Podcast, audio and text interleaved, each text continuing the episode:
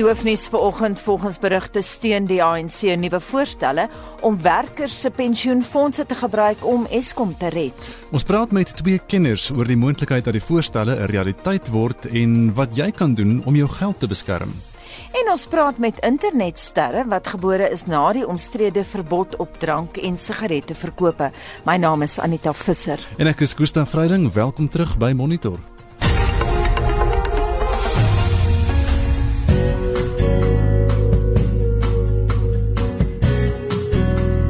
Die weer vir vandag jeugdag die 16de Junie is uitgereik deur die Suid-Afrikaanse Weerdiens. 'n Waarskuwing toestande wat bevorderlik is vir die ontstaan van weggolfveldbrande word verwag langs die Noord-Kaapse kus. Raadgewend stof en sandstorms wat die sigbaarheid kan verlaag word verwag langs die Noord-Kaapse kus in die aangrensende binneland in die oggend, asook van Woensdag tot en met Donderdagoggend. En dan sterk en rukkerige wind, sê dit rukwind van 50 tot 60 km/h um, en 'n druk van 60 tot 75 km/h. Dit word verwag oor die westelike dele van die Namakwa distrik in die Noord-Kaap, asook oor die Matsikama munisipaliteit in die Wes-Kaap Woensdag en Donderdag. Die voorspelling volgende in Gauteng bewolk met verspreide buie vanaf die laatoggend. Pretoria word vanmiddag net 13, Johannesburg en Vereniging word vanmiddag net 11. Die laafveld van Mpumalanga gedeeltelik bewolk. Dit word bewolk met ligte reën in die aand, 18 in Bombela. In Limpopo, mooi weer. Dit word gedeeltelik bewolk teen die middag, 19 in Polokwane. Die Noordwes-provinsie is gedeeltelik bewolk. Dit word bewolk met enkele buie vanaf die middag, 17 in Mahikeng en 19 in Vryburg. Die Vrystaat is mooi weer. Dit word gedeeltelik bewolk in die middag, 16 vandag in Bloemfontein. Die Noord-Kaap is net mooi weer. Kimberley 17 en Upington word 21 vandag. Die Weskaap mooi weer, die wind aanvanklik lig suidoos. Dit word lig en veranderlik. 21 in Kaapstad en 18 grade in George. Die Weskaap is bewolk. Dit word mooi weer teen die laatmiddag. Die wind is lig noordwes. Dit word matig noordoos teen die laatoggend. 19 in Port Elizabeth en 20 grade in Oos-London. En dan aan die ooskus, KwaZulu-Natal gedeeltelik bewolk met enkele buie vanaf die middag 22 in Durban, ook 22 in Richards Bay en net 15 in die Middelland by Pietermaritzburg. En is dan die weer uitgereik deur die Suid-Afrikaanse Weerdiens vir nog inligting kan jy gaan na hulle webwerf weathersa.co.za.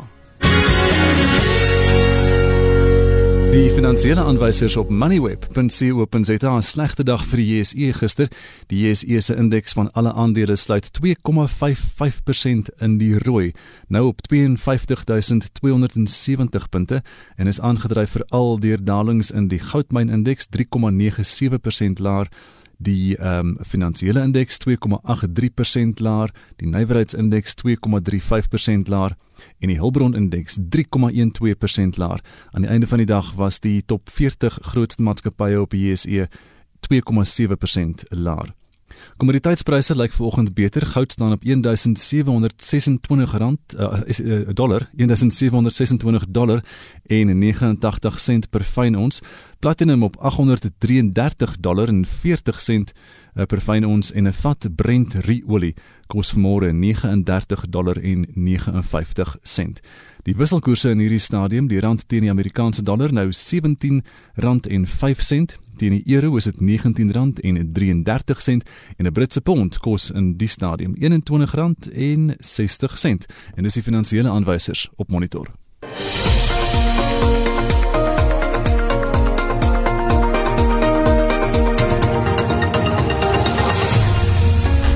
Dis nou 11 minute oor 7 is ingeskakel by Monitor op RSG en volgens berigte steun die ANC nuwe voorstelle om werkers se pensioenfonde te gebruik om die sukkelende kragrees Eskom te help.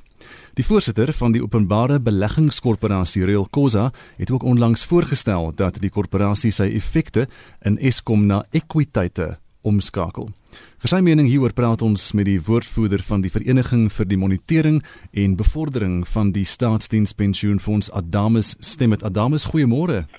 Goeiemôre Gustaf, goeiemôre Anita en goeiemôre luisteraars, maar veral goeiemôre aan ons pensionaarsse. Wat is jou reaksie op die jongste voorstelle op mense se pensioengeld uh, om in Eskom in te pomp nou?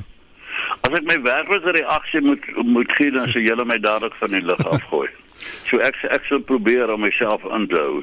Kom ek sê vir u, Hierdie is soos Herman Pretoria is nou net van die ERR nou net gesê, hierdie is 'n oneerlike besigheid. Dit is onwettig, dit is roekeloos en dit is skandalig wat nou hierso besig is om te gebeur. Maar belangrik, dit is totaal onbekostigbaar vir die pensioenfonds wat reeds ja van 2014 af afdraande gaan en waar die reserves reeds uitgeput is waar die inkomste op beleggings alreeds onvoldoende is om uh, die pensioene uh, te te betaal. Ek sien en die voorsieningswetsontwerp die appropriation bill wat nou voor die parlement dien se hmm. memorandum word die bates van die uh, pensioenfonds en van die OBK beskou dit word uitdruklik genoem as regeringsbates. Nou as dit regeringsbates is, dan beteken dit dood eenvoudig dat die regering het daardie pensioenfonds se geld gesteel. Die pensioenfonds behoort die bates van hom behoort aan sy lede en nie aan die regering nie en nie aan die OBK nie. Ons is baie teleurgesteld aan die openbare beleggingskoöperasie. Hulle is nou 'n tydelike organisasie, die vorige ene uh, moes bedank hmm. nadat die empatie kommissie wat op ons versoek, aan my JP se versoek ingestel is, aan die kaart gestel het van al die ongeruimthede wat daar plaasgevind het. Moes hulle bedank en ons is vol hoop gewees dat Dr. Raul Kosa en sy span dinge sou regkry. Hulle het nog nie eers begin om die geld in te vorder wat die empatie kommissie vir hulle uitgewys het en wat ons voorgelê het aan die empatie kommissie, die miljarde wat wat gesteel is. Nie. Nou kom hulle alweer met met die ding, die openbare beleggingskoöperasie is met respek voorbarig om so voorstel te maak en dit is absoluut skokkend dat hulle sê dat die wat hulle noem die, die voorstel aan tesorie dat mm -hmm. dit is gesamentlike een van hulle en die staatspensioenfonds. Dit is skokkend dat die raad van trustees genoem word as 'n vernoot om ons pensionaarse aan die rug te steek. Adamus, hoe verstaan jy hierdie uh, hierdie hierdie voorstel hierdie keer want hoe verskil dit nou van die voorgeskrewe bates storie van van voorheen? Kyk wat nou hier gaan gebeur die uh, staatspensioenfonds het reeds ons volgens ons syfers is daar 90 miljard geld belê in in skuldbriewe in in Eskom. Ja. Party mense sê dis 100 miljard.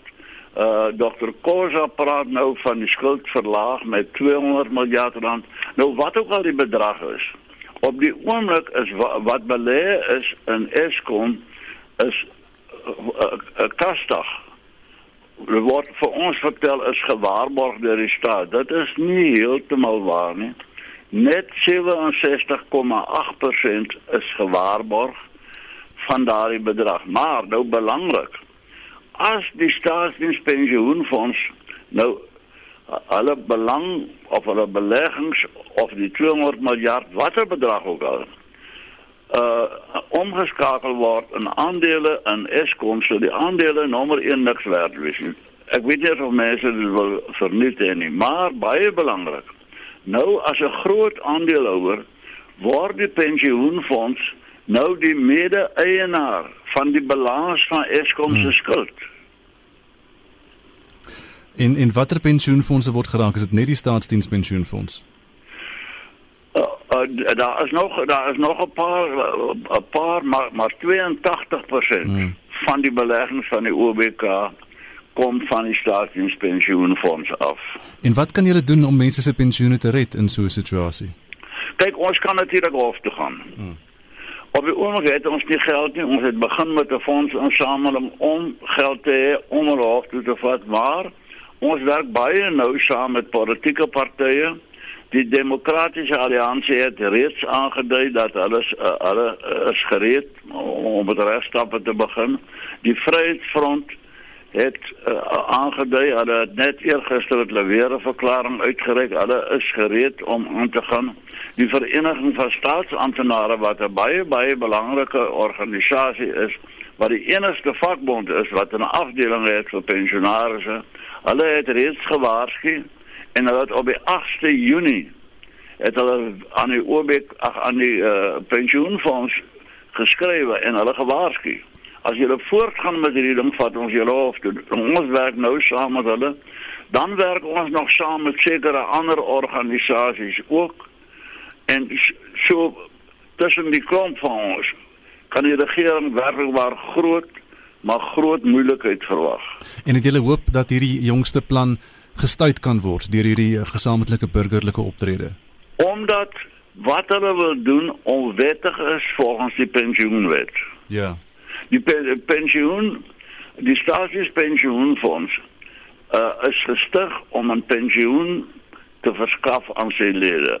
Beleggings namens die staatspensioenfonds moet net vir een ding gebruik word. Dat is die uh instandhouding van die pensioenfonds en ook die versterking van die pensioenfonds om 'n pensioen te kan betaal.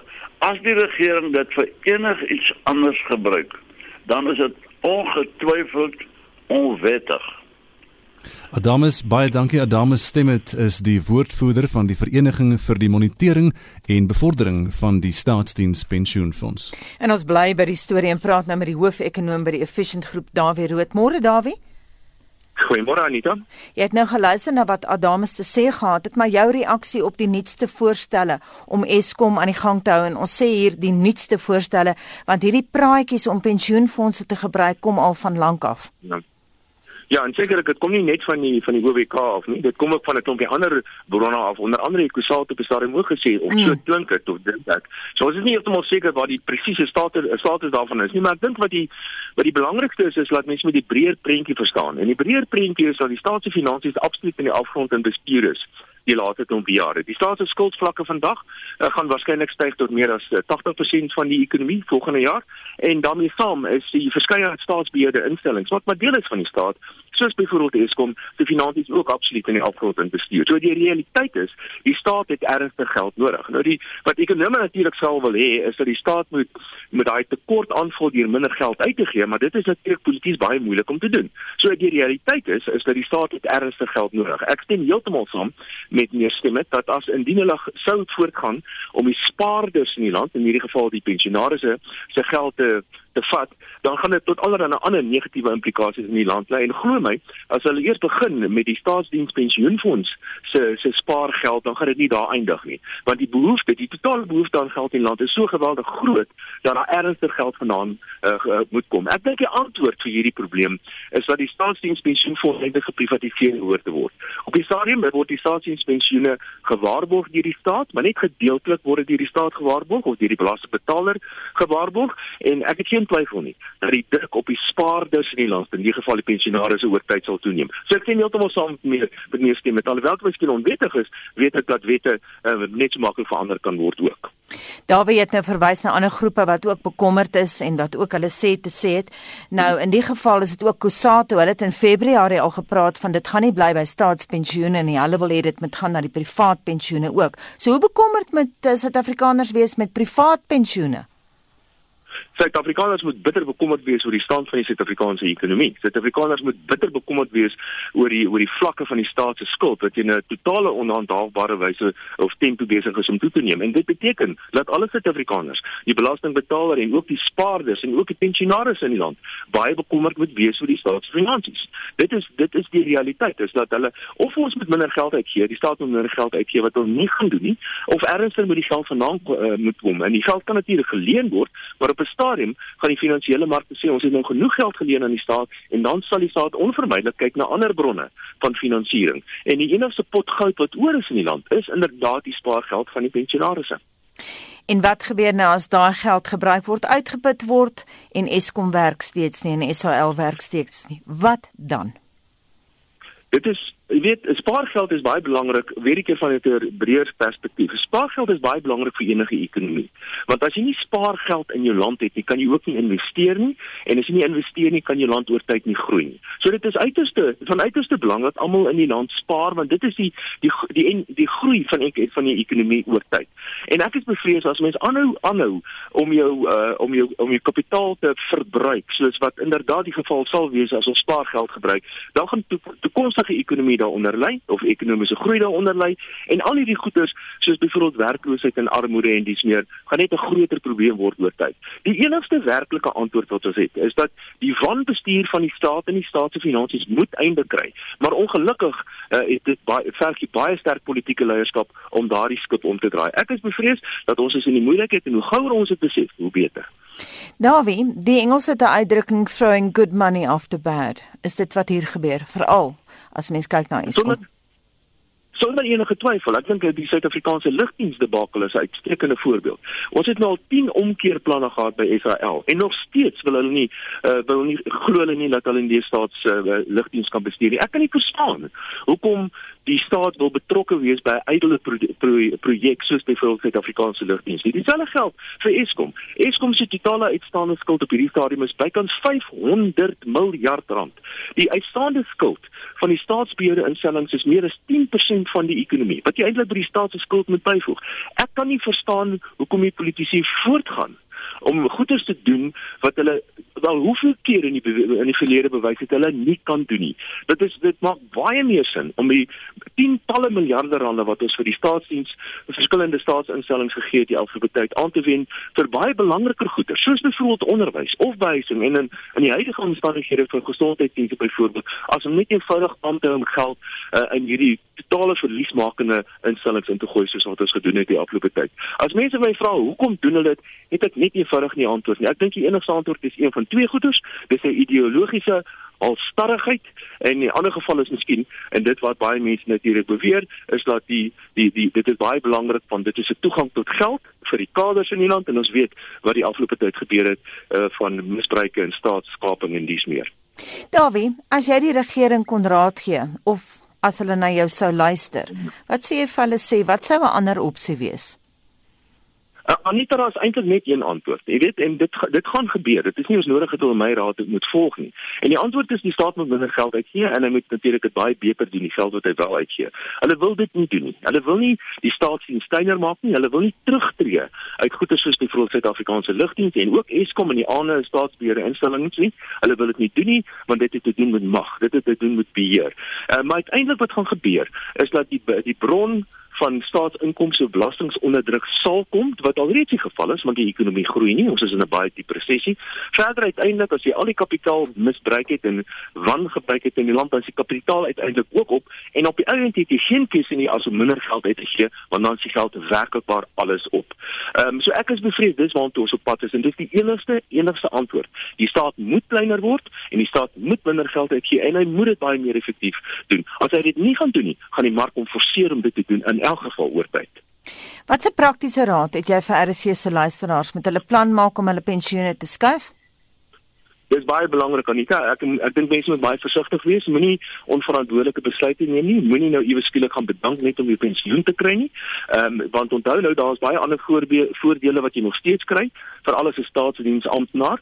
Sekere voordele soos die mediese en die alles voordele wat jy gaan verloor indien jy sou bedank. So die jou beste advies is om uh, om 'n goeie finansiële adviseur te kry en kry laat die finansiële adviseur deur al hierdie verskillende stappe en moontlikhede gaan. Moet asseblief nie 'n uh, 'n uh, halsoor kop besluit neem en gaan bedank in sulke tipe van goed doen nie. Dit kan dalk net die verkeerde besluit neem uh, vir so besluit uh, wees op hierdie stadium. En onthou ook, soos meneer Stem het gesê, dis allerlei prosesse wat nog deurgegaan moet word. Hulle gaan nie môreoggend die staatsdienspensionaars se geld vat nie. Dis 'n hele proses en uiteindelik gaan hulle miskien nie so ver kom nie. Maar wat sonder twyfel duidelik is, is dat hulle het hulle het hulle oop daardie pot goud van die spaarders in die land en ons moet almal bekommerd wees en ons moet almal dink ek opstaan teen hierdie vergrype. Daar wie het nou wel in die onderhoud uh, verwys na die feit dat wette verander kan word, maar Adame stem het nou aan Gustaf gesê dat daar ten minste twee politieke partye, die DA en die Vryheidsfront Plus, wat sê hulle sal hof toe gaan oor die saak. So ons het altyd darm die regstelsel. Weet jy Anita, dit is daar's niks meer natuurlik het ons die regstelsel en ons weet ook van van en ons het ook baie vertroue in ons howe wat ek dink heeltemal korrek is. Maar weet jy daar's niks meer verkeerd vir uh, staatsdienspensioen uh, om byvoorbeeld geld te leen in staatsbeheerde instellings nie. Daar's selfs niks meer verkeerd indien sekere aanpassings gedoen word nie, soos byvoorbeeld om staatsskuld uh, of die skuld om te sit in ekwiteit byvoorbeeld. Hierdie tipe van goeder word elke dag gedoen in die finansiële sektor. En ek dink dit is noodwendig onwettig nie. Maar wat besig is om te gebeur hier, so ons ons ons weet almal dat die omruil van skuld byvoorbeeld in ekwiteit gaan maar net daartoe lei dat jy ekwiteit ekwiteit ontvang wat basies niks werd is nie. Presies wat meneer Stem het gesê het. So die doel hierso is nie 'n finansiële transaksie wat tot voordeel is van beide partye nie. Die doel hierso is eintlik om die spaargeld van eh, van pensionaars te misbruik. Dit is eintlik die doel. Maar ek is nie noodwendig seker dat dit noodwendig onwettig is per se nie. Dit is waarskynlik heeltemal wettig om sekere finansiële transaksies te doen want dit word dit gebeur in elk geval elke dag. Eh, maar in hierdie geval dink ek nie beide partye gaan gaan wen in hierdie transaksie nie. Daar wil net kortliks die apartheidsregering het 'n soortgelyke ding gedoen of hoe? Inderdaad, die apartheidsregering het 'n soortgelyke ding gedoen. Hulle het sogenaamde voorgeskrewe bates gehad vir pensioenfonde. So moenie dink hierdie is net die staatsdienspensioenfonds wat besprake gaan wees nie. Die private sektor se pensioenfonde uiteindelik gaan ook hier onder hierdie tipe van verandering lê. Maar die apartheidsregering inderdaad het dit gehad. Daar's baie studies daaroor gedoen en sonder enige twyfel kan ek vir jou sê dat as daar voorgeskrewe bates op pensioene is, dan gaan daardie bates baie swakker presteer as die normale ander bates waarin pensioenfonde belê. En nou iets heel anders. Ek praat nou met jou op jeugdag. President Cyril Ramaphosa het nou gesê die jeug moet bemagtig word om Suid-Afrika se ekonomiese herstel te lei. Nou die nuutste syfers wat ons hier by Monitor het vir jeugwerkloosheid in ons land is 53,18%. Dink jy die jeug kan so herstel lei? Wel, ek dink die, die, die ons jeug kan so herstel lei nie, want ek dink een van die belangrikste voorwaardes vir 'n uh, jong werksmag is om behoorlik gekwalifiseer te wees, behoorlike vaardighede te hê. En ek dink waar ons behoort te begin is om te sorg dat ons 'n behoorlike vaardigheidsontwikkelingsstelsel in Suid-Afrika het of 'n onderwysstelsel wat ongelukkig nie daar is nie. Ehm um, en uh, en sekerlik die jeug is is is jong, die jeug het, het energie, die jeug het nuwe idees en die die jeug moet in baie gevalle uh, 'n rigting gee en uiteindelik doen hulle dit soos wat hulle betrokke raak in die ekonomie. Maar ek is bevrees dat ons jeug se wegspringplek is baie swak in Suid-Afrika en dit is daardie kwaliteit onderwys wat ons sekerlik nie het nie. Baie dankie en so sê Dawie Rood, hy is hoof-ekonoom by die Efficient Groep. Nou so 29 minute oor 7 jy luister na Monitor op RSG en meer as 20 eiendomme is gister net suid van Johannesburg deur grondgrypers beset. Die polisie wou glo niks doen om die mense te verwyder nie. Vir meer oor wat gebeur het, praat ons met AfriForum se hoof van gemeenskapsveiligheid, Een Cameron. Een goeiemôre. Goeiemôre. Waar het hierdie grondgrype plaasgevind? Elandsfontein net suid van Johannesburg, nie ver van Soweto af nie. Hier daar so 2 weke terug sprake of ons het die sprake gehoor van mense wat begin om erwe skoon te maak om te kan begin beset, maar dit het nie regtig, daar het nie regtig veel gebeur en daar was hier en daar iemand, ek dink nie die gemeenskap het dit dadelik so ernstig opgevat nie. Teen gister was daar egter reeds meer as 35 huisies opgesit. Daar selfs 'n kantoortjie opgeslaan of 'n of 'n hut waarop hulle op die kant geskryf het office waaruit hulle nou hierdie hierdie erwe dan nou verkoop wat glad nie eintlik aan hulle behoort nie. En ehm um, aan wie behoort die erwe, weet julle? Daar's omtrent 20 grondeienaars wat tans direk geraak word. Ek skat daar's omtrent 50 van hulle in die in die gebied wat moontlik nog geraak kan word. Dit was 'n baie groot plaas gewees wat weder uh, aan albei kante van die N1 was en uh, en met die jare het het hulle dele verloor daarvan met met grondeise ensovoorts en die hele situasie het eintlik nou maar net gesneeubal soveel so dat hier nou 'n groep mense is wat letterlik net begin grondvat. Ek het gister met een van die grondgrypers gepraat en ek vra toe vir hom maar is hy 'n miner in die area en hy sê dis vir my nou I'm just an occupier. Hm. En uh, en hy het baie duidelik vir my gemaak dat hulle die grond gaan vat en ons het nog 'n paar van hulle gepraat en hulle sê net hulle vat nou hierdie grond dit behoort nou aan hulle. Hulle gee nie om oor enige vorm van titelaktes nie. Hulle het ook gister van die grondeienaars daar aangerand en ten spyte daarvan het die polisie vir amper 2 weke geweier dat enige iemand 'n uh, 'n uh, betredingssaak oopmaak Afriforum het betrokke geraak waarna ons die saak geopen gekry het uh, saam met die gemeenskap maar steeds sien ons geen optrede van die polisie nie. Die polisie het gister vir die gemeenskap gesê hulle moet maar gaan onderhandel met die grondgrypers. Daar's niks wat hulle kan doen nie. Dit is absoluut onwaar en daarom gaan ons nou 'n regsproses aan die gang sit. Wat is aan die gang daar? Is dit iemand wat probeer geld maak? Jy sê daar's 'n kantoortjie wat erwe verkoop. Baie interessant en ons het dit al van tevore gesien. Ons het so 2 jaar gelede het ons het dokter Masrebule gehelp ook net buite Pretoria waar hulle sy grond beset het en hulle sit letterlik 'n kantoortjie op. Daar's 'n bordjie daar wat vir jou drie opsies gee van die groot uh, eh, plakkershut wat jy kan koop of laat opslaan en uh, en dit uh, is tussen 1900 en 3900 rand wat jy dan nou kan opsit daar. Hulle bou dit vir jou en uh, en dan koop jy vir jou 'n erfie en die erwe se so groot is verskil en ek skat daar seker al 'n goeie 4 of 500 erwe uitgemerk soos ek sê daar's nog nie soveel hitte opgeslaan nie, maar daar is onsaglik baie mense. Die interessante ding is ook die tipe voertuie wat daar staan is definitief nie armans voertuie nie. Mense kom in van buite af. Daar staan dier dier dierkarre wat betrokke is hierby.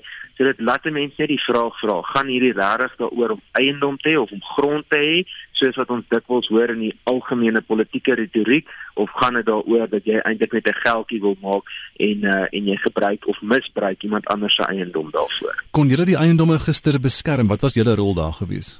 Ons rol was gister suiwer net verkenning. Ons moes gaan kyk en en vir ons regsproses om te volg wat die polisie betref, ehm um, moes ons moes ons seker maak ons het al die nodige feite. So ons het gister gewerk om om kaarte op te stel ensovoorts seker te maak ons merk al die eiendomme presies soos wat wat hulle nou is. Ons het ook met van die uh, plaaslike gemeenskap gepraat wie se eiendom dit is en en gehoor wat is die uitdagings wat hulle beleef wat ons die nodige inligting rondom die polisie kry en wat wat ons ook poog om te doen in ons stand in so 'n proses oor die dokter Maseremule saak van 2 jaar gelede ons in 'n siviele proses teen die polisie is om te kyk dat ons die finansies of die geld wat spandeer is om met die uitsettings op die einde van die dag te doen en regskoste te dek dat ons dit terugkry van die polisie af en dat ons kan begin om amptenare wat weier om op te tree persoonlik aanspreeklik te hou al is dit dan nou net finansiëel. En het jy al vorige suksesse in die verband om op te kan teruggaan?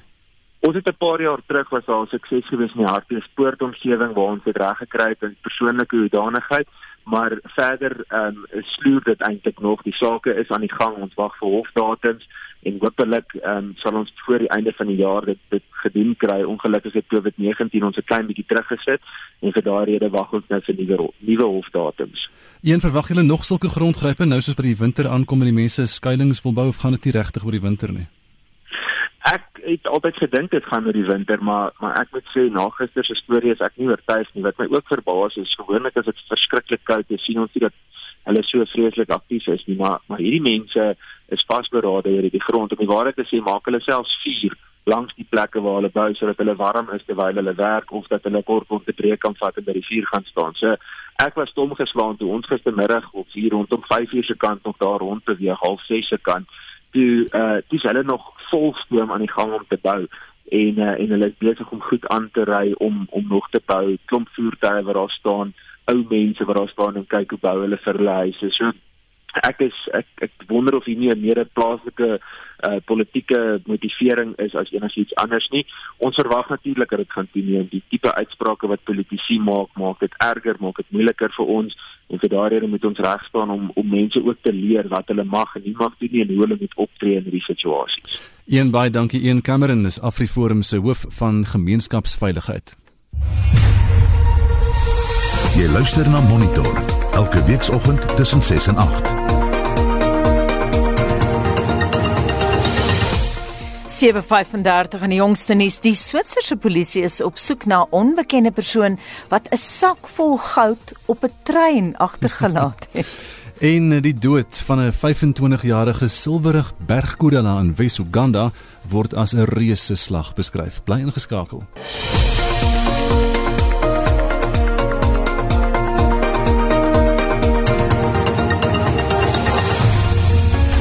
Dis 23 minute voor 8 op monitor wins so lyk die terugvoer.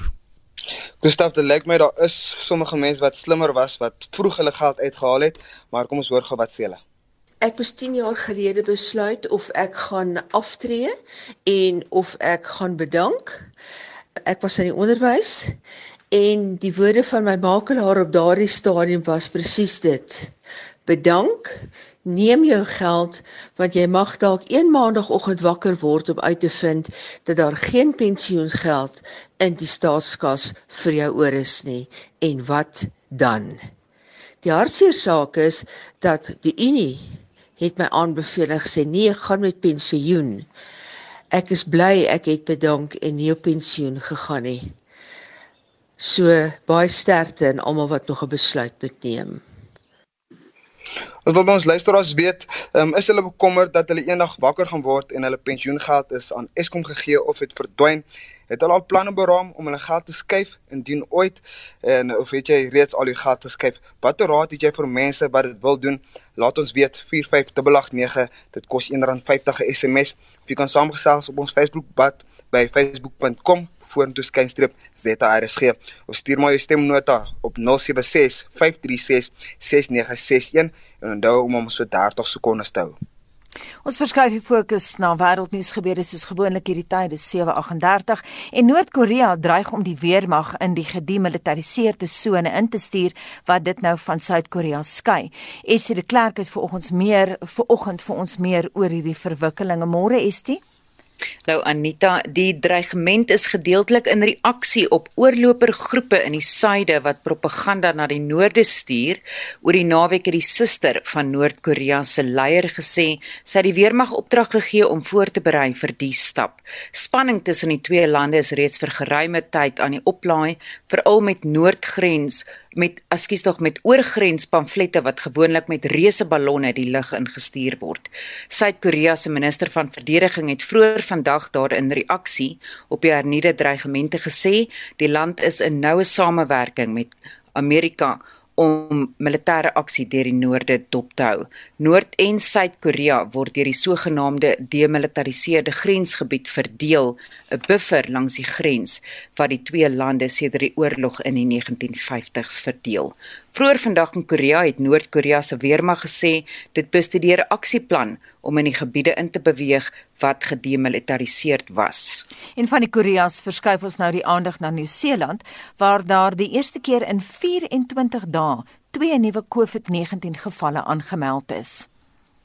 Nieu-Seeland het verlede week alle binnelandse beperkings opgehef en verklaar die land is koronavirusvry. Maar twee nuwe gevalle is aangemeld, albei onlangs van die Verenigde Koninkryk gereis en met en, en kan met mekaar verbind word. Die plaaslike media berig, hulle is vergunning gegee om 'n begrafnis by te woon. Alle reisigers wat in Nieu-Seeland land, word vir COVID-19 getoets en word vir 14 dae geïsoleer of onder kwarantyne geplaas. Nieu-Seeland het verlede maandag in sy laagste vlak van inperking in beweeg en dit beteken daar word geen sosiale afstande gehandhaaf nie en geen beperkings word geplaas op die hoeveelheid mense wat by openbare byeenkomste toegelaat word nie. Nieu-Seeland is wêreldwyd ger, wêreldwyd geroem vir sy suksesvolle hantering van die virus. En dan 'n heerlike storie is dit net laasens. Ek is seker baie van ons het al per ongeluk iets op 'n trein of 'n bus vergeet wanneer ons by die bestemming uitklim, 'n foon, 'n beursie, dalk oor fone self, maar is baie onwaarskynlik dat jy sou afklim in 'n sak goud agterlaat. Wat is daai storie in Switserland? Waaroor gaan dit? Anita, ek kan nie glo dat een mens so iets sal agterlaat nie, maar een mens in hierdie welgestelde nasie van Switserland het presies dit gedoen en die owerhede wil baie graag hierdie persoon opspoor. Pogings word wyd en suid aangewend om 'n eienaar op te spoor wat 3 kg goud in 'n trein waar agtergelaat het in Oktober verlede jaar. Dit is 152 000 pond werd en is gevind op 'n trein wat tussen St Gallen en Lucerne gereis het. Die eienaar het 5 jaar om dit op te eis by die aanklaer se kantoor in Lucerne, maar dit is nie duidelik hoe die owerhede die eienaarskap van hierdie 3 kg goud sal bevestig nie. Ja, men mense sal glo dat jy 'n sak goud kan vergeet enige plek. Dit was Essie de Klerk met internasionale nuus gebeure. En is nou 18 minute voor 8 op monitor 'n reuse slag. So het die Uganda Wildlife Authority die dood van die 25-jarige silwerig berggorilla Rafiki in Wes-Uganda se Bwindi Nasionale Park beskryf. Vier stroopers was verantwoordelik vir die Assegai steek wat Rafiki se lewe beëindig het. Anita het die volgende verslag saamgestel. Daar is slegs 1000 berggorillas in die hele wêreld oor, versprei oor die landsgrense van onder meer Uganda, Burundi, die DRK en Rwanda. Die 25-jarige gorilla mannetjie Rafiki, wie se aard beskryf word as gemoedelik, se onverwagse afsterwe het nuusberigte in Oos-Afrika oorheers, synde die eerste dood van 'n berggorilla in Uganda te wees sedert 2011 aan die hand van stroopers. Die African Wildlife Foundation se adjunkpresident bewaring, Philip Muruti, het gister vanuit Nairobi aan Monitor verduidelik wat presies die berggorilla so spesiaal maak. The mountain gorilla is uh, very highly protected by Ugandan law. The mountain gorilla is uh, only found in the Virunga Mountains. So in Uganda, there are two parks. There are about a thousand mountain gorillas left in the wild, and there are no mountain gorillas in captivity. So that makes them one of the most endangered, very localized in the Virunga mountain massif, which means in Bwindi National Park, Mkahinga National Park, and the Virunga in uh, Rwanda and in DR Congo, that uh, transboundary area. And they only live in their forest, high up there. That means that they are very vulnerable, but they are also very important for the forest. The forest maintain the forest uh, health. They are also very important, uh, as you know, for the tourism, both at local level in Uganda, DR Congo, and in Rwanda. The, the earnings from mountain gorilla tourism in Uganda surpasses any other parks, and they maintain literally the Uganda Wildlife Authorities. So very important animal, very unique, of course, uh, very close relative of humans uh, genetically. Die uniekheid van die woudreuse beteken ook groot toerisme inspuitings in die Oos-Afrika streek se koffers, verduidelik Philip Moruti. Mountain gorilla tourism is regulated. Not all groups are uh, habituated But uh, what I can tell you is that if you want to visit the mountain gorilla, you would have to book your safari early during normal times, not during this COVID-19, uh, you know, pandemic times. But you book, it's usually all booked all year. Gorillas share diseases with us, but uh, it's usually high-end tourism. Uh, you pay more than $500 to visit for only a few hours, and it's usually fully booked. Rafiki het op 1 Junie uit Bwindi Nasionale Park in Wes-Uganda verdwyn, waarna wildbewaarders sy karkas in 'n nabygeleë kampong gevind het.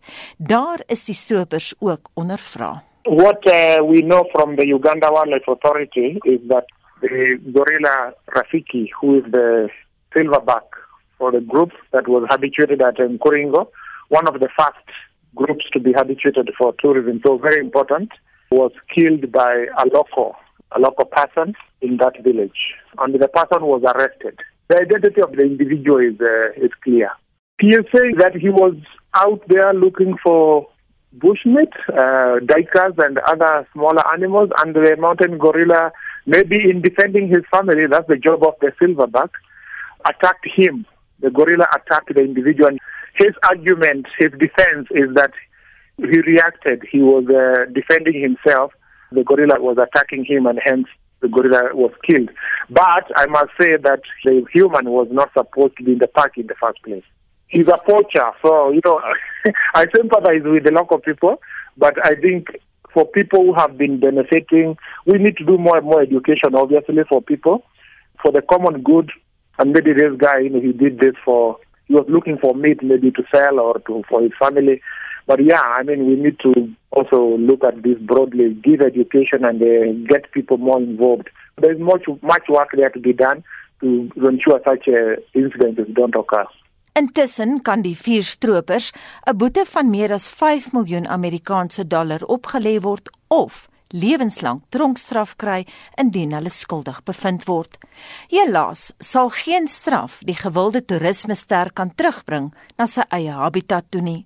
Volgens 'n nadoetse ondersoek het die Assegai Rafiki se organe deurboor. Die vraag is, wat gebeur nou met die 17 ander berggorillas wat leierloos is? This mountain gorilla Rafiki is the leader of a group that was habituated. African Wildlife Foundation um, in 2000 we built a community lodge at called Clouds Lodge and the community there has been benefiting They get more than uh, $100,000 each year from this tourism.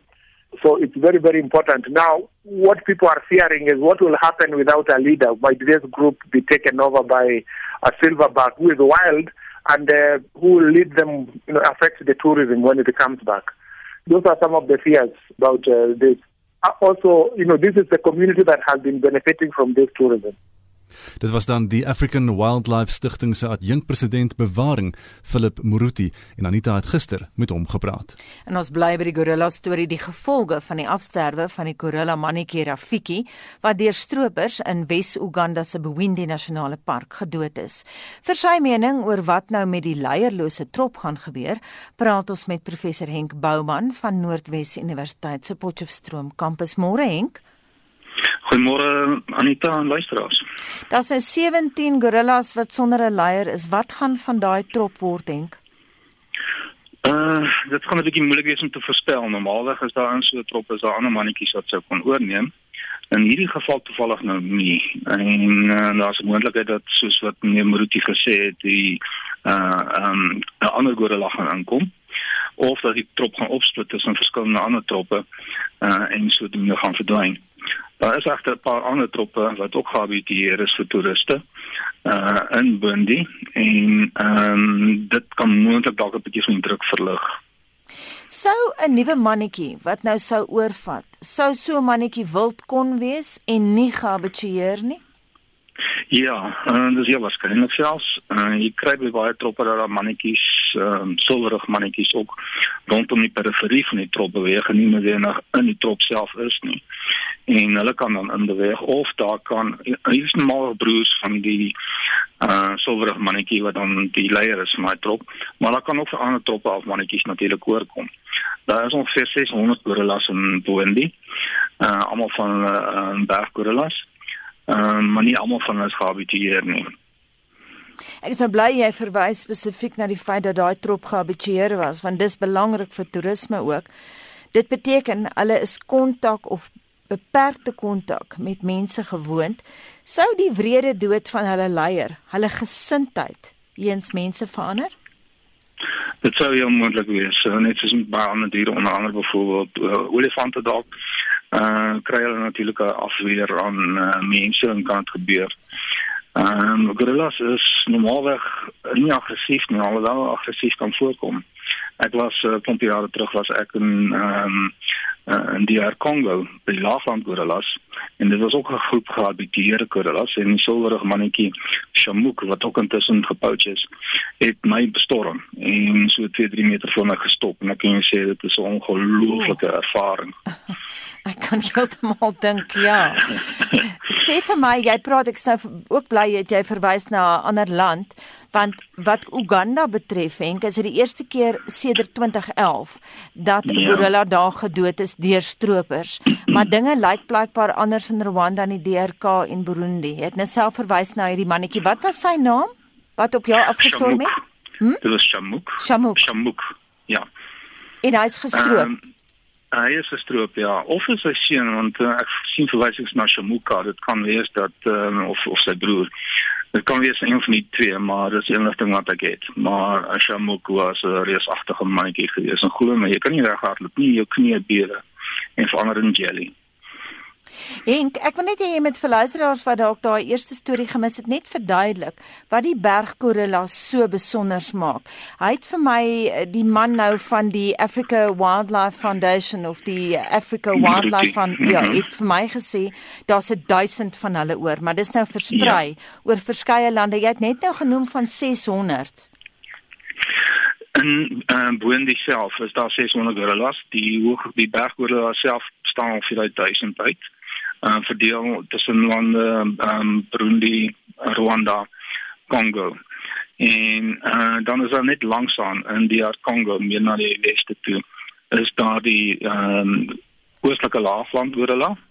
Uh wat daar in die Kahuzi Biega Nasionale Park en ander plekke aan die uh, berge daar voorkom.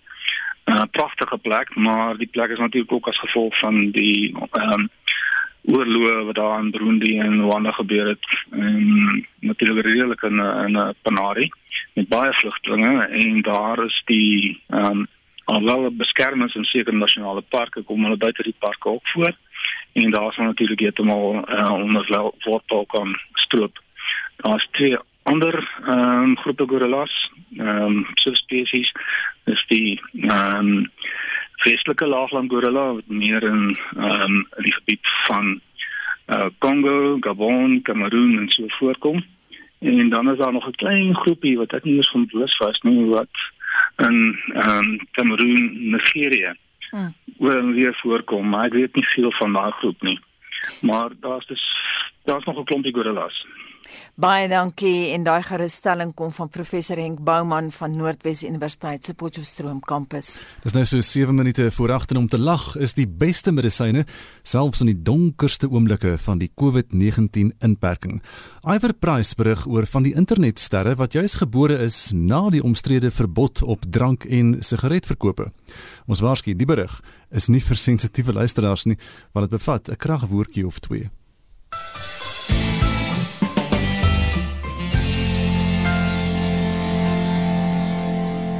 Het van my dop gehou net soos enige ou. Maar nou het my land dit van my weggehou. My hoes nat gehuil want my drank is klaar. Maar daarom het hom sirrel my gemoed bedaar.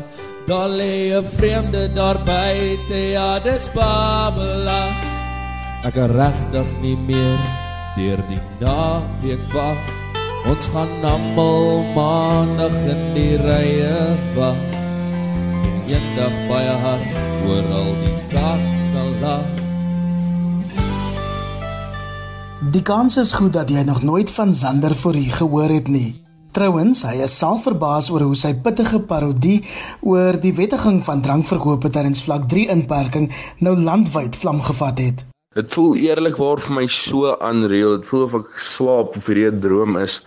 Want ek het nie gedink een klein liedjie gaan my so vinnig skyrocket nie. So dis nogals amazing. Ek moet sê dis amazing om so vinnig oor die internet gestuur te word as 'n meme. Zander was verlede jaar in matriek. Hy probeer nog rigting kry oor presies wat om met sy lewe te doen.